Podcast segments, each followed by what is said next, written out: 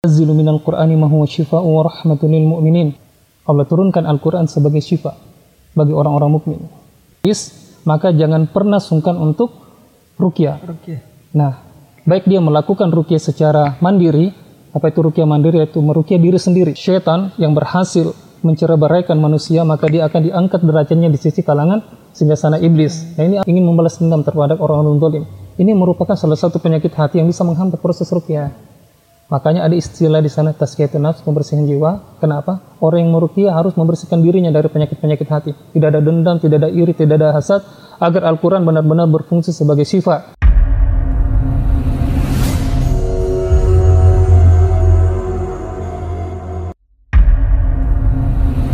Assalamualaikum warahmatullahi wabarakatuh. Nah, untuk part kali ini kita berdua yang kuasai channelnya, channelnya Denanya Channel.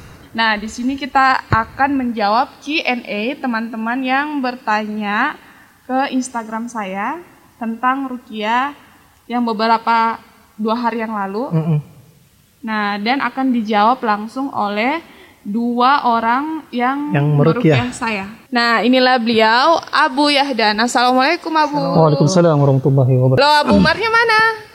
Beliau kodarullah uh, untuk menggantikan posisi apa namanya? Sebagai editor. Sebagai editor karena ya masya Allah kita ter keterbatasan space tempat ya. Tidak bisa full kayaknya. Ya baik. Mungkin ada yang mau ditanyakan ya? Oke, nah di sini Abu kita kan mau bantu teman-teman yang mungkin belum bisa berinteraksi sama antum. -hmm. Jadi saya bantu lewat Q&A. Nah di sini ada beberapa pertanyaan teman-teman uh, lewat Q&A. Langsung saja ya. Iya. Untuk mempersingkat waktu. Di sini ada yang bertanya. Suami teman saya selalu emosi lihat istrinya.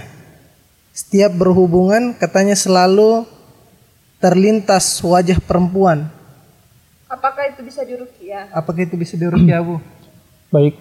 Uh, Alhamdulillah salatu wassalamu ala Rasulullah. Ya, ya. Nah, tinggal kita lihat uh, ada satu dalil yang mengatakan bahwa dalam Al-Qur'an ya, wa nunazzilu minal Qur'ani ma huwa syifaa'un wa rahmatun lil mu'minin. Artinya apa? Allah turunkan Al-Qur'an sebagai syifa bagi orang-orang mukmin. Ini pertanda apa bahwasanya Al-Qur'an selain, selain sebagai petunjuk, maka Al-Qur'an diturunkan oleh Allah sebagai syifa. Apa itu syifa? Penawar penyakit. Ya, di sana ada istilah penawar penyakit. Jadi ketika seseorang merasa dirinya sedang sakit, ya kita tidak golongkan sakit ini gangguan jin, ya karena di sini ada istilah penyakit medis dan non medis, ya ada penyakit medis dan non medis. Kalau seseorang merasa dia sakit, entah dia penyakit medis atau non medis, maka jangan pernah sungkan untuk rukyah.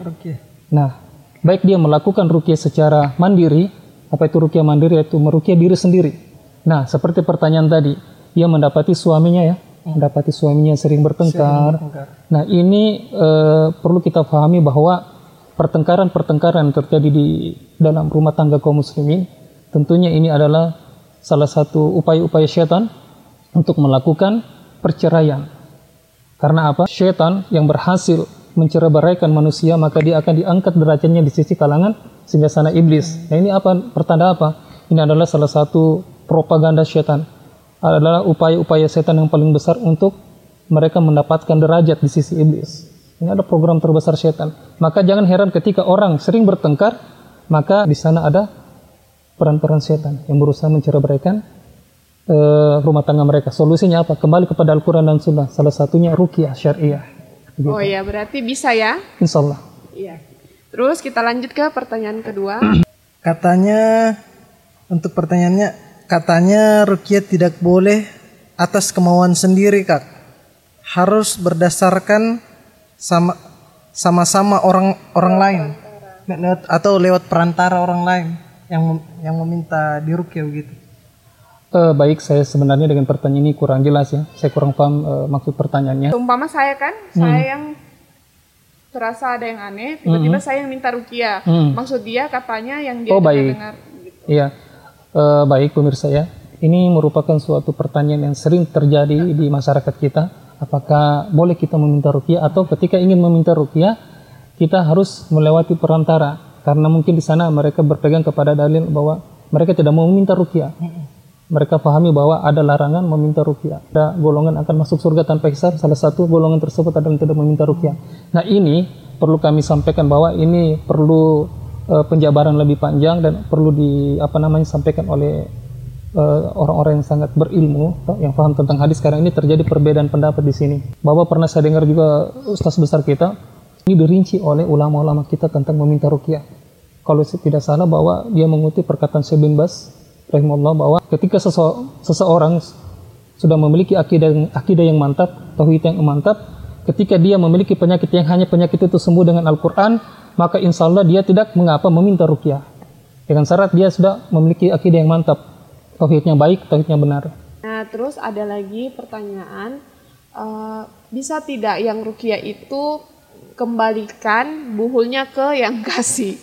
Kita melihat dari tujuan rukyah tujuan ruqyah adalah bukan untuk membalikan kezaliman seseorang karena yang berhak menghakimi kezaliman seseorang hanya Allah azza wa jalla bukan kita sebagai manusia apatah lagi uh, kita ini dalam menjemput kesembuhan ada dendam ada penyakit hati ingin membalas dendam terhadap orang-orang zalim ini merupakan salah satu penyakit hati yang bisa menghambat proses ruqyah Makanya ada istilah di sana tazkiyatun nafs, pembersihan jiwa. Kenapa? Orang yang meruqyah harus membersihkan dirinya dari penyakit-penyakit hati. Tidak ada dendam, tidak ada iri, tidak ada hasad, agar Al-Quran benar-benar berfungsi sebagai sifat untuk mengobati penyakit yang ada baik dalam hatinya, dalam jasadnya, apalagi penyakit tersebut sebab oleh syaitan. Jangan ada dendam. Berikan ruang di sana, ruang maaf. Biarkan Allah yang memberikan hakim, menjadi hakim atas kedoliman orang-orang yang mendolimi dia. Itu saya rasa seperti itu. Nah, ini pertanyaan terakhir. Hmm uh, saya suka mengamung-amung sama suami saya. Uh, pada saat itu saya sempat hamil dua bulan, tapi seminggu kemudian ternyata saya datang bulan. Uh, mungkin dia jatuh, tapi saya habis ke dokter diduga kandungan saya ada polip, tapi belum tahu betul atau tidak. Tapi pernah saya juga ikut dengan adikku Rukia pas saya baca ayat saya gatal-gatal baru saya yang batuk-batuk Berarti memang ada gangguan jin ya. Soalnya saya suka bertengkar dan saya kurang ajar sama suami. Dan mati tidak sopan. Terus beliau ini juga kayak ibaratkan matanya tembus-tembus begitu. dalam rukyah syariah ada beberapa langkah ya. Kita tidak langsung masuk dalam ranah, wilayah pengobatan. Ada namanya di sana diagnosa. Karena apa di, sini sangat berhati-hati kita untuk mengklaim sesuatu yang sifatnya goib. Tidak bisa seorang perukiah mengatakan dirinya melihat jin atau melihat di sana ada penyakit, kemudian mengatakan penyakitnya ini adalah penyakit yang disebabkan oleh syaitan, itu tidak bisa. Makanya di sana ada namanya tahap diagnosa. Ini diagnosa adalah melihat gejala-gejala yang ditunjukkan oleh penyakitnya. Apakah memang gejala yang ditunjukkan ini memberikan signal, memberikan indikasi bahwa di sana ada penyakit yang disebabkan oleh syaitan dan bala tentaranya. Nah, untuk kasus seperti itu, dia melakukan saja rukyah. Membaca Al-Quranul Karim dengan niatan rukyah Kenapa ada niatan? Karena memang seperti itu. Ketika membaca Al-Quran tanpa niat rukyah itu tidak akan bereaksi, tidak memberikan efek. Berbeda ketika membaca Al-Quran dengan niatan rukyah. Apalagi niatnya untuk menghantam syaitannya. Maka dia lakukan saja rukyah dengan niatan seperti itu. Ketika memang di sana ada penyakit yang disebabkan oleh syaitan, bisa dipastikan akan memberikan efek.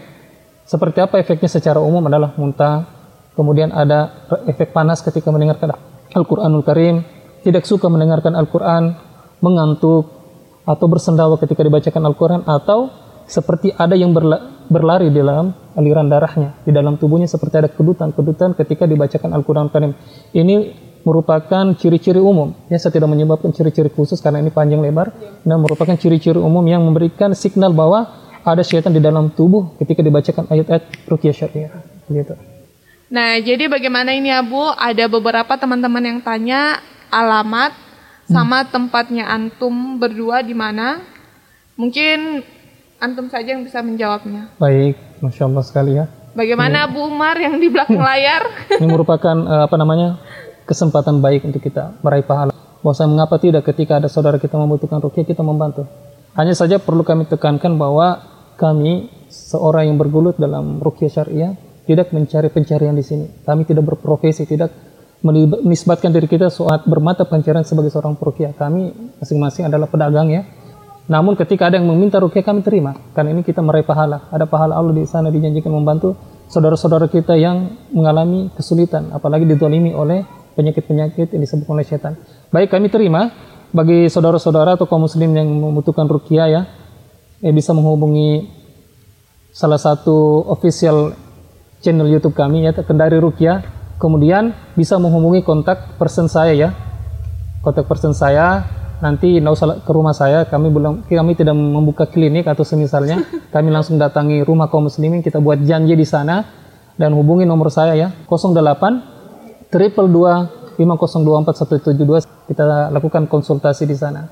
Uh, insya Allah saya akan jawab sesuai dengan dasar keilmuan saya. Kalau di ada di sana ada pertanyaan yang berat mungkin saya tidak bisa jawab. Begitu. Barakallahu demikian bincang-bincang kita dengan Abu Yakdan dan Abu Umar yang dan di belakang Abu Umar layar. di belakang layar.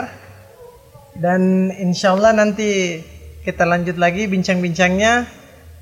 Jangan lupa subscribe Denanya channel dan Kendari Rukyah Jangan lupa like, comment, and subscribe. Tap- Dan buat teman-teman yang mau kasih saran bisa ya Bu ya. iya Silahkan komen saja di kolom komentar kolom komentar YouTube mereka. Terima kasih. Assalamualaikum warahmatullahi wabarakatuh. Waalaikumsalam warahmatullahi wabarakatuh